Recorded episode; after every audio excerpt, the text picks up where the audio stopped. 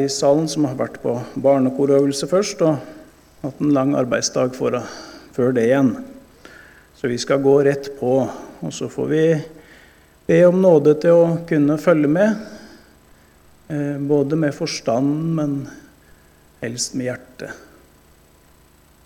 Kjære Jesus, vi takker deg for at du har gitt oss uendelig rike løfter om at du vil personlig komme og være sammen med oss når vi er samla om ditt ord. Og du har lova din gode Hellige Ånd også der hvor to og tre er samla i ditt navn. Og Jesus, så er det i tillit til dine løfter at vi har frimodighet å samles, og også forventning når vi samles. Og så ber vi om at du gir oss det vi trenger nå, disse minuttene, denne fredagskvelden. Både for å kunne høre og konsentrere oss, og også for å ta imot med hjertet. Vi legger stunda i dine hender. Amen. Vi leser ifra Efeserbrevet kapittel 3. I, I går så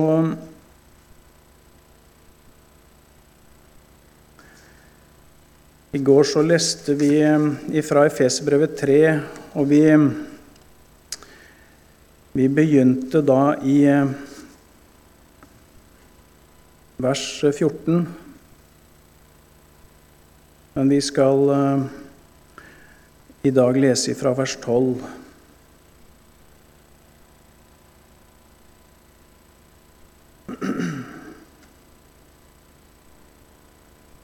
I Jesu navn. I ham har vi frimodighet,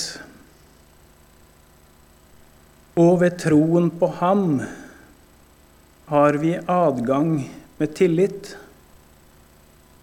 Derfor ber jeg at dere ikke må tape motet på grunn av de trengsler jeg lider, for deres skyld. De er jo en ære for dere. Derfor bøyer jeg da mine knær for Faderen han som er den rette far for alt som kalles barn i himmelen og på jorden. Jeg ber om at Han etter sin herlighets rikdom ved sin ånd må gi dere å styrkes med kraft i det indre mennesket. At Kristus må bo ved troen i deres hjerter, for at dere, rotfestet og grunnfestet i kjærlighet sammen med alle de hellige, kan være i stand til å fatte hva bredde og lengde og høyde og dybde her er. At dere må kjenne Kristi kjærlighet, som overgår all kunnskap, så dere kan bli fylt til hele Guds fylde. Men Ham som kan gjøre mer enn alt, langt utover det vi ber eller forstår, med den kraften som er virksom i oss. Ham være ære i menigheten og i Kristus Jesus gjennom alle slekter, i alle evigheter. Amen.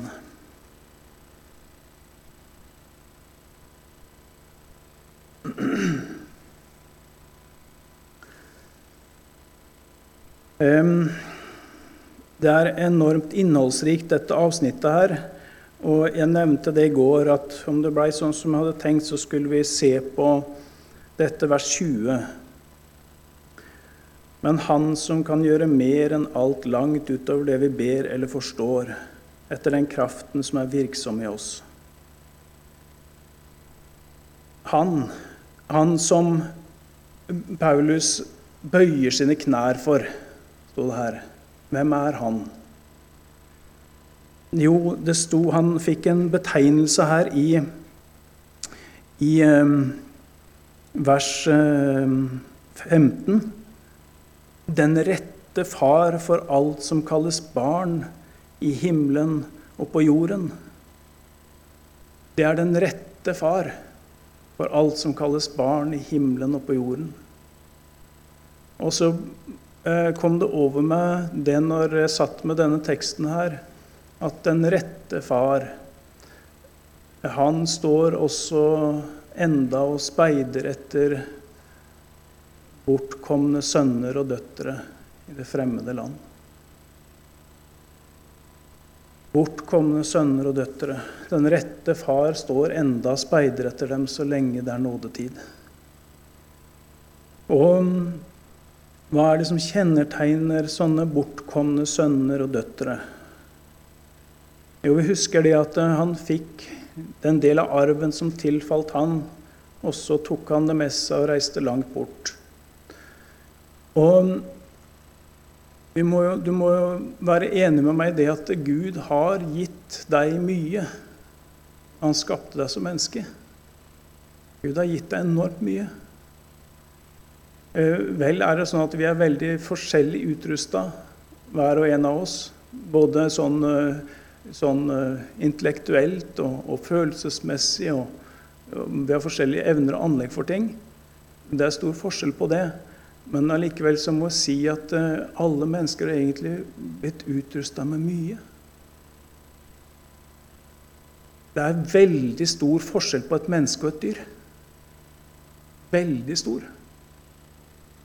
Er, I dag blir vi tuta ørene fulle om at det er veldig liten forskjell. Men den er enorm.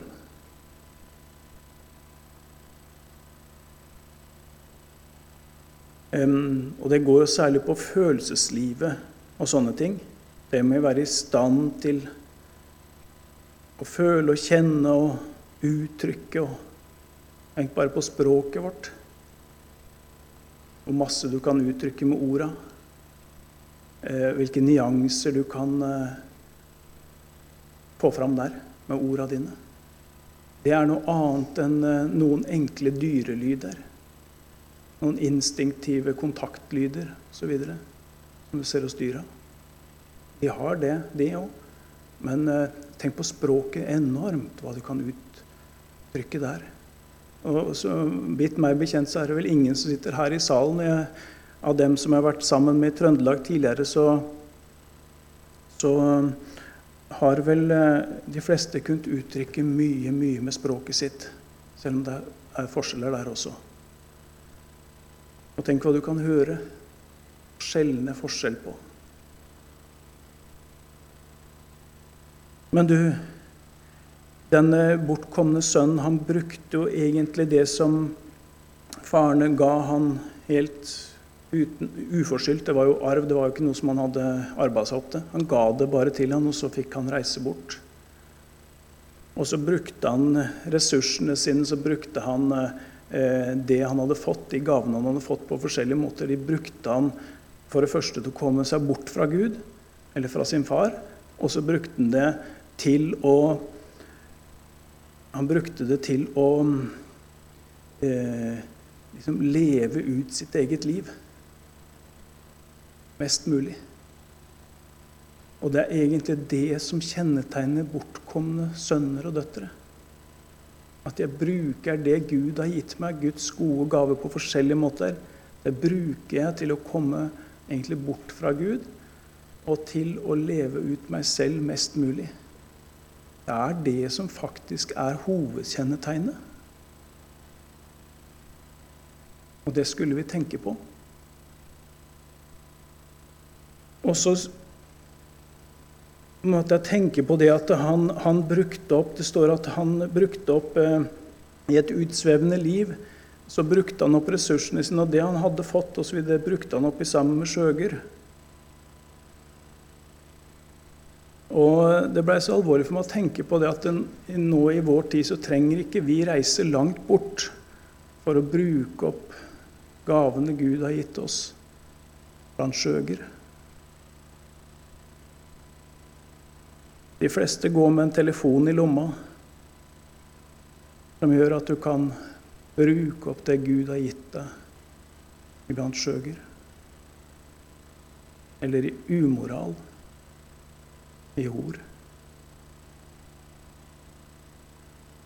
Du trenger ikke reise langt bort for å sette alt over styr. Det er veldig nærme.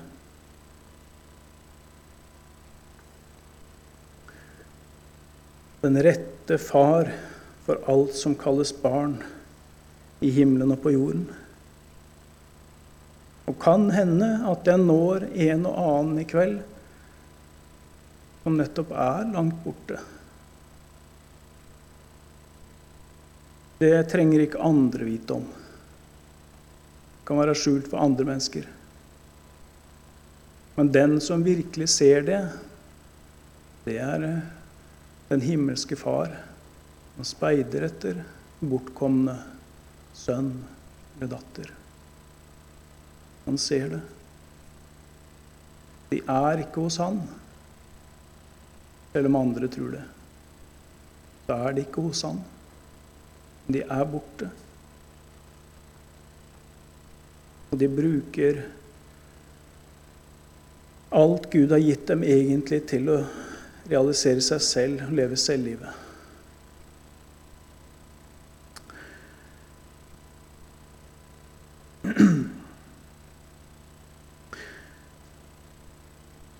Det blei eh, også veldig alvorlig for meg egentlig å tenke på dette nettopp med de gaver og ressurser som Gud har gitt oss, som vi kan bruke opp.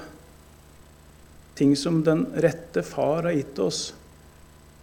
Men så ser vi at når, når synda liksom får tak i forskjellige ting, da blir, det, eh, da blir det snudd, da blir det pervertert. Sånn at det virker det motsatte av sånn som det var når Gud ga det. Og da er det faktisk sånn jeg kan ikke la være å nevne det med musikken.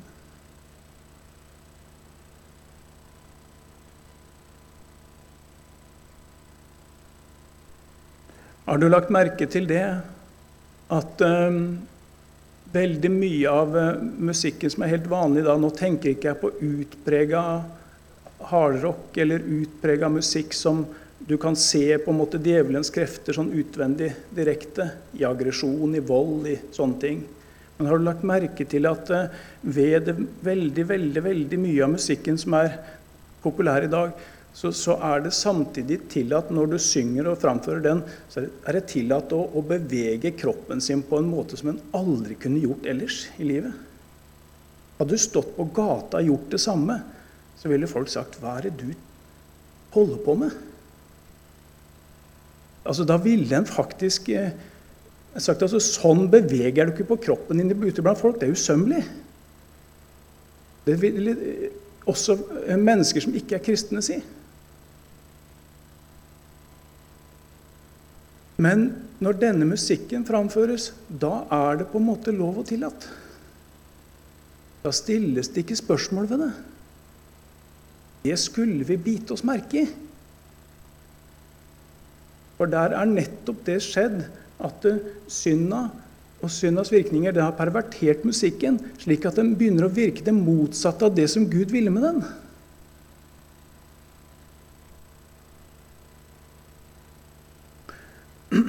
Legg merke til det.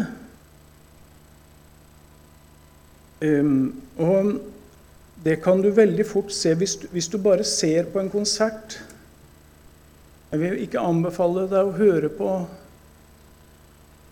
eh, på rock og pop av forskjellige slag, og de stilartene som også fører fram til det. Men om du ser på en konsert og disse stilartene blir framført, slår av lyden, bare skru av lyden, og så se hvordan de ter seg samtidig. Da begynner du å ane litt hva det er som ligger under og bak denne musikken. Da ser du det. musikk som passer på eh, dansefester, der hvor eh, dette med at en sjekker opp mange, en driver og flørter med andre mennesker, eh, en driver og gjør seg til på den ene og den andre måten, viser seg frem. Det er på en måte kjødets vesen. Vi er ikke ukjente med det som kristne. Å nei, vi sliter med det. Men på en dansefest musikken ved en bar osv. Den har nå denne pirrende stemningen rundt seg. For det er slik stemningen skal være der. Og musikken hjelper nettopp til at det skal bli sånn. Det er greit å flørte og holde på sånn. Men du, den musikken hører ikke hjemme iblant de kristne. Det er en musikk som oppfordrer deg til umoral og til ord, egentlig, og til opprør. Og det hjelper ikke å sette kristen tekst til det.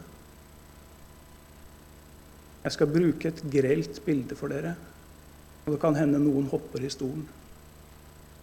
Du kan prøve å sette kristen tekst til et erotisk blad. Hva tror du får mest oppmerksomhet? Hva tror du de fleste kommer til å sitte igjen med etterpå etter å ha sett i det bladet? Den kristenteksten.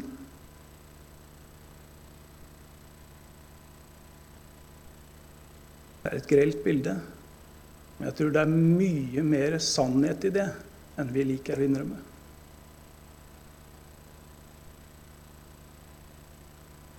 Her skulle vi våkne opp. Og her har konservative forkynnere et stort ansvar. For nettopp ved at de har en bibeltro konservativ forkynnelse, så er det mange ungdommer og yngre mennesker som nettopp vil være bibeltro konservative, som har tillit til dem. Og ser du da hvor fort du kan bli til anstøt for en oppvoksende slekt? Vi tenker at anstøt betyr at vi støter dem fra oss, at det blir få, få på møtene våre. Men det er ikke det det betyr i Bibelen. Anstøt det betyr egentlig den mekanismen som du har på en dyrefelle. Hvis du har f.eks. en svær, flat stein sånn, og så har du en mekanisme som står under her med en, med en sånn, eh, en sånn eh, knekt pinne, og så går et tau fra denne knekte pinnen ned til et åte. Det er denne, denne stillpinnen, denne mekanismen der, den som gjør at når dyret bare så vidt er borti det, så klapper fella over. Det er det ordet på gresk som er brukt for anstøt. Du er som en sånn mekanisme som gjør at andre fort kan få fella over seg. Kanskje du klarer deg sjøl, men du fører til at andres, og kanskje særlig unge som er mer uforsiktige, de får fella over seg.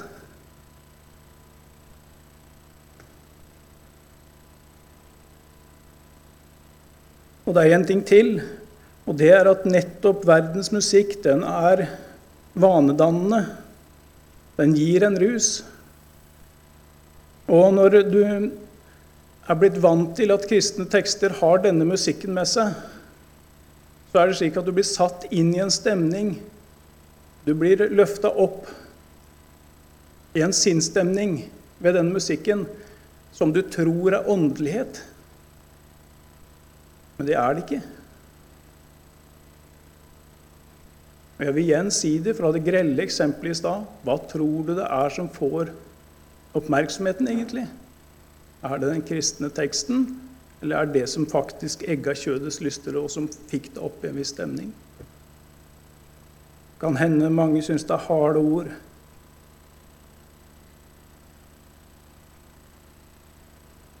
Men jeg ber deg å gå hjem og tenke nøye igjennom det. Du som er ung også, hva hører du på? Hvis du tar alvor av det jeg sier til deg nå, og prøver å slutte, da kommer du til å oppdage at du er avhengig av det. Men så lenge jeg går nå og tenker jeg at nei, det kan jeg slutte med når jeg vil. Det er bare en viljesbeslutning. så skal du få merke det noe helt annet den dagen du gjør alvor av å slutte med det. Hvis det betyr noe for deg. Da skal du kjenne at du sitter fast. At du kommer til å falle i det gang på gang. Og du må rope til Jesus om nåde og tilgivelse for det. Da merker du hvilke krefter det er i det.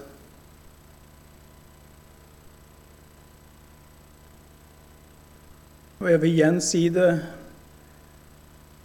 at de som er forkynnere, og særlig de som er bibeltro og konservative forkynnere, må vite seg være sitt ansvar bevisst her. Fordi du nyter stor tillit blant dem som vil være bibeltro og konservative.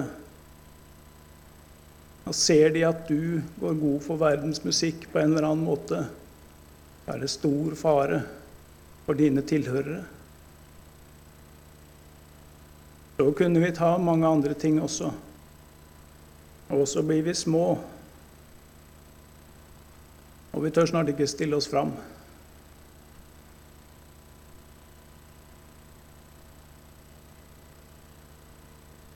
Må Jesus forbarme seg over oss den rette far for alt som kalles barn. Han står og speider. Om du kunne huske i hvert fall det etter dette møtet. Om du kjenner deg forlatt og aleine, det er i hvert fall én som ser etter deg.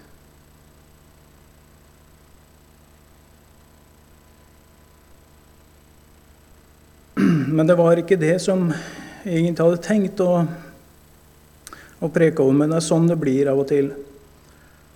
Han som kan gjøre mer enn alt, langt utover det vi ber eller forstår, etter den kraften som er virksom i oss. Og så vil jeg bare rekke ut på en måte denne livbøya. Eh, kanskje til du som har oppdaga at du sitter fast. På en eller annen måte. Eller at du har god kontakt med en eller ei som sitter fast. Han som kan gjøre mer enn alt, langt utover det vi ber eller forstår. Jeg kan ikke komme så mye inn på det nå, men det står her 'etter den kraft som er virksom i oss'. Så Her snakker vi ikke om noe sånn høytsvevende langt vekk fra oss, eller sånn, men det handler om Guds virkning direkte på oss, i oss. Når eh, dette verset her, det har jo vært så fint, eh, syns jeg, å høre, og det blir brukt i forbindelse med vanskelige eh, saker, vanskelige bønneemner som kommer opp. Eh, litt fortvilte situasjoner, kanskje. Ja, det har vært godt at noen har tatt fram dette bibelverset, at eh, han som kan gjøre mer enn alt. Og, og, så har det kanskje vært, situasjonen vært litt sånn fortvila og håpløs at du veit heller ikke helt hva du skal be om. Men eh, da sto det her at han, han kan gjøre mer enn alt langt utover det vi ber eller forstår. Så det, det kommer en til hjelp der også, men ikke vet helt hva han skal be om i en sak. Men eh, så ser jeg det at eh, dette verset her, det er ikke egentlig på en måte mynta bare på spesielle situasjoner. Men det er faktisk en, det er en generell beskrivelse av Gud. Altså det er, en, det er en universell beskrivelse av Gud. Og det gjør ikke verset mindre at det er sånn Gud er. Og jeg tror det er riktig å si i enhver sak. Da er Gud sånn som det vi leser i dette verset. Det er ikke bare tenkt på helt spesielle tilfeller hvor Men det er tenkt på alle tilfeller hvor Gud er i saken. På alle måter. Han som kan gjøre mer enn alt. Langt utover det vi ber eller forstår. Etter den kraft som er virksom i oss. Og det gjelder eh, ikke minst i forbindelse med frelsesbønnen.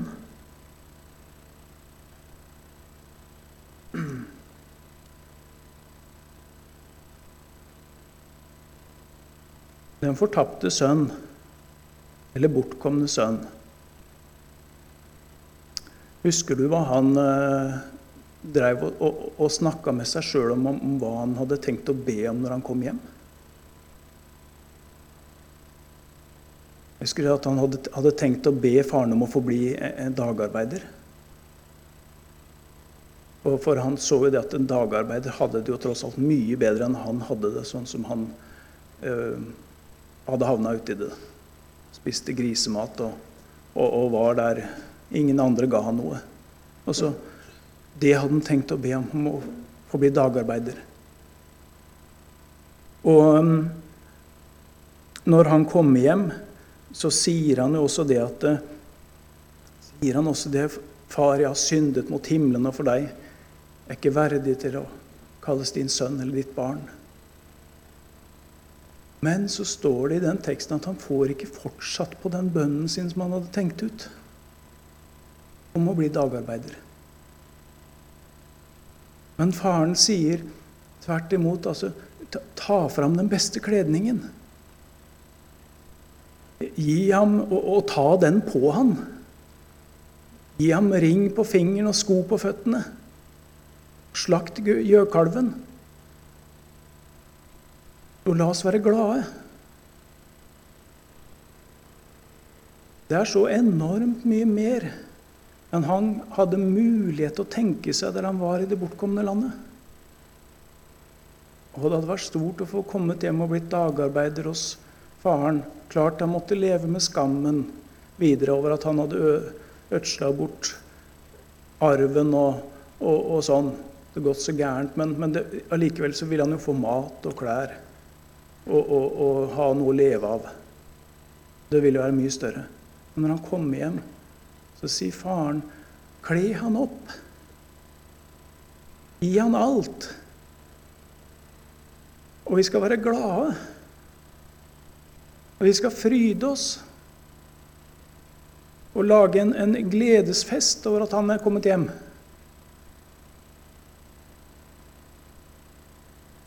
Det er så mye mer enn han kunne tenke seg. Han som kan gjøre mer enn alt, langt utover det vi ber eller forstår.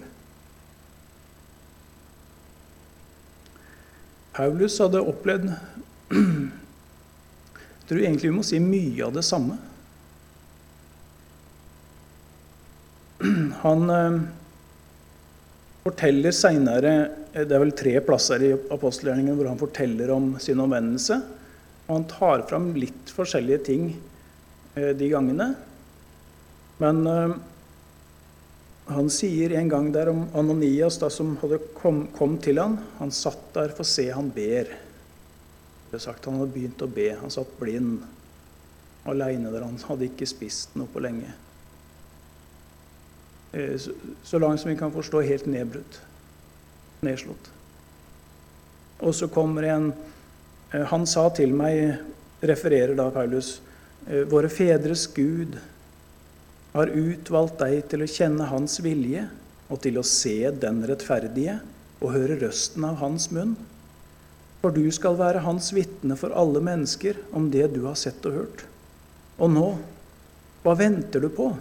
Stå opp, La deg døpe og få dine synder vasket bort idet du påkaller Hans navn.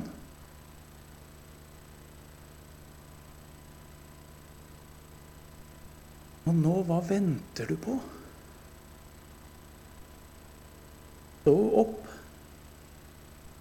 La deg døpe og få dine synder vaska bort det du påkaller Hans navn. For du skal være Hans vitne. Også med den bakgrunn i forhold til Jesus, i forhold til Guds barn. Med den bakgrunn har forfulgt dem og vært en voldsmann mot dem og, og prøvd å tvinge dem ved press og pinsler til, til å forlate troen. Sånn hadde han vært. Det er bakgrunnen hans. Også disse syndene vaskes i et nu bort. Her hadde Paulus vært vant til et strengt liv, faste kanskje én og to ganger i uka. Vært vant til et strengt liv. Hvor han virkelig måtte yte så godt han kunne. Nå sitter han der, han kan ikke yte noen ting. Hva venter du på? å Stå opp.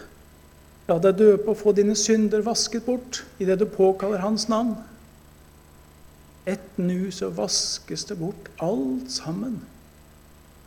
Og det som er så utrolig stort, at det vaskes ikke bare bort det som Paulus har gjort.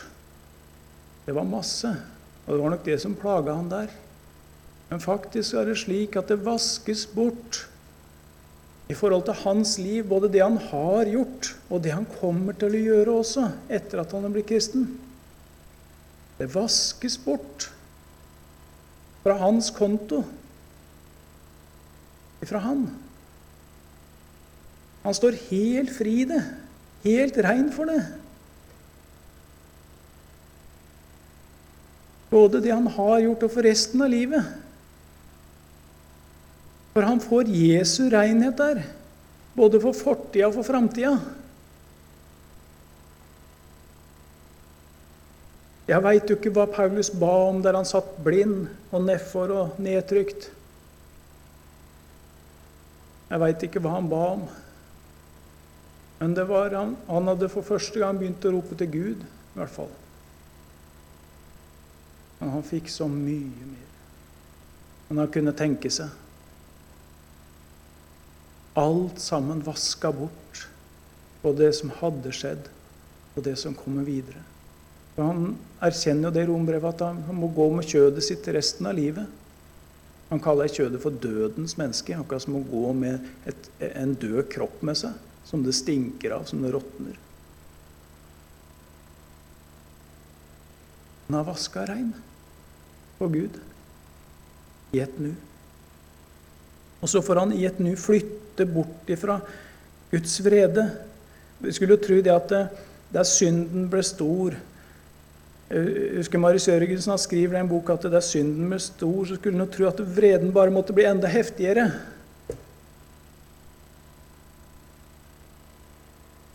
Men så står det i Guds ord at der synden ble stor, ble nåden enda større. Nåden ble enda større. Så samme hvor mye han fikk se av det han hadde gjort, samme hvor mye han fikk se av det han måtte dra med seg videre av kjødet. Så var det ikke slik at vreden økte, eller at den begynte å opparbeide seg vrede igjen. Nei, for han var ikke lenger under Guds vrede. Han var i et nu flytta inn under Guds velbehag idet han påkalte Jesu navn.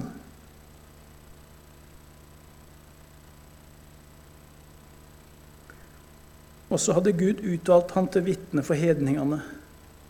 Gud hadde planer utover det tenkelige. Og det var fullstendig utenkelig. Og det tok jo sin tid også før apostlene torde å være sammen med han. De visste åssen han hadde holdt på.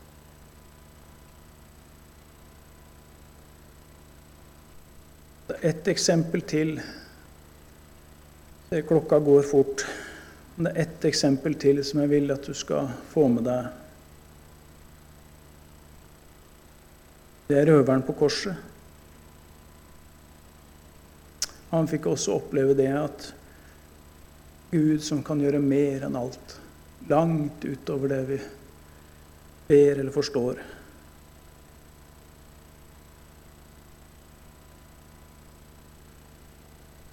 Han eh, ser ut for meg som at han også var med egentlig i spotten til å begynne med. I hvert fall så hører han noen andre spotte der.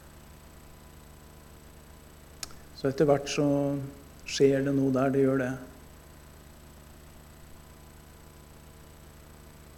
Og han irettesetter etter hvert den andre. Men eh, i forhold til Jesus så kan han ikke annet enn bare si det. altså.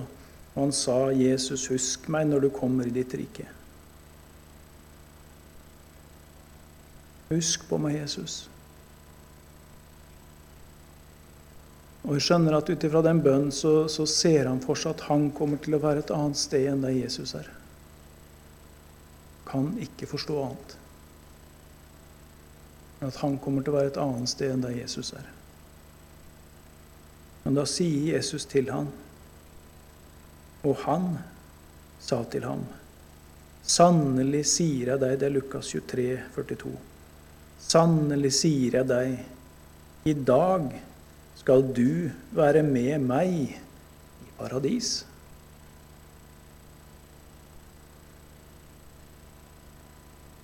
I dag skal du være med meg i paradis.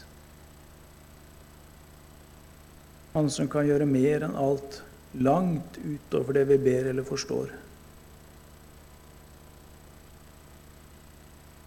Etter den kraften som er virksom i oss. Ham være ære i menigheten og i Kristus Jesus gjennom alle slekter, i alle evigheter. Amen.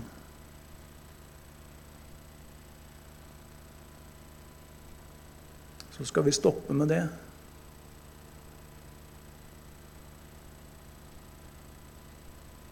Og så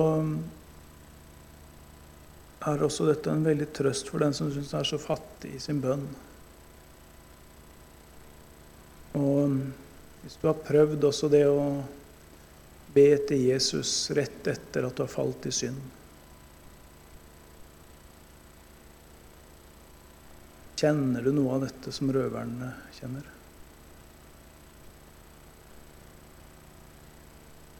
Eller som Paulus? Men da har du et Guds ord på her. At han kan gjøre mer enn alt, langt utover det vi ber eller forstår. Og i det øyeblikket Paulus påkalte hans navn, da var han fullstendig fri fra alt sammen. Både i fortid, nåtid og framtid. Tenk på det. Kjære Jesus, vi vil takke deg og vi ber Jesus om at du får tale med oss, hver enkelt. Du ser det, Jesus, at vi har så mer enn nok med oss sjøl. Og når du får snakke med oss, blir vi ikke så opptatt av de andre. Men jeg ber Jesus om at vi kunne få lov å enfoldig få snakke med deg, hver og en. Så oppfyller du og så gjør du langt utover hva vi kan forstå og be om. Takk at du er slik. Ditt navn. Amen.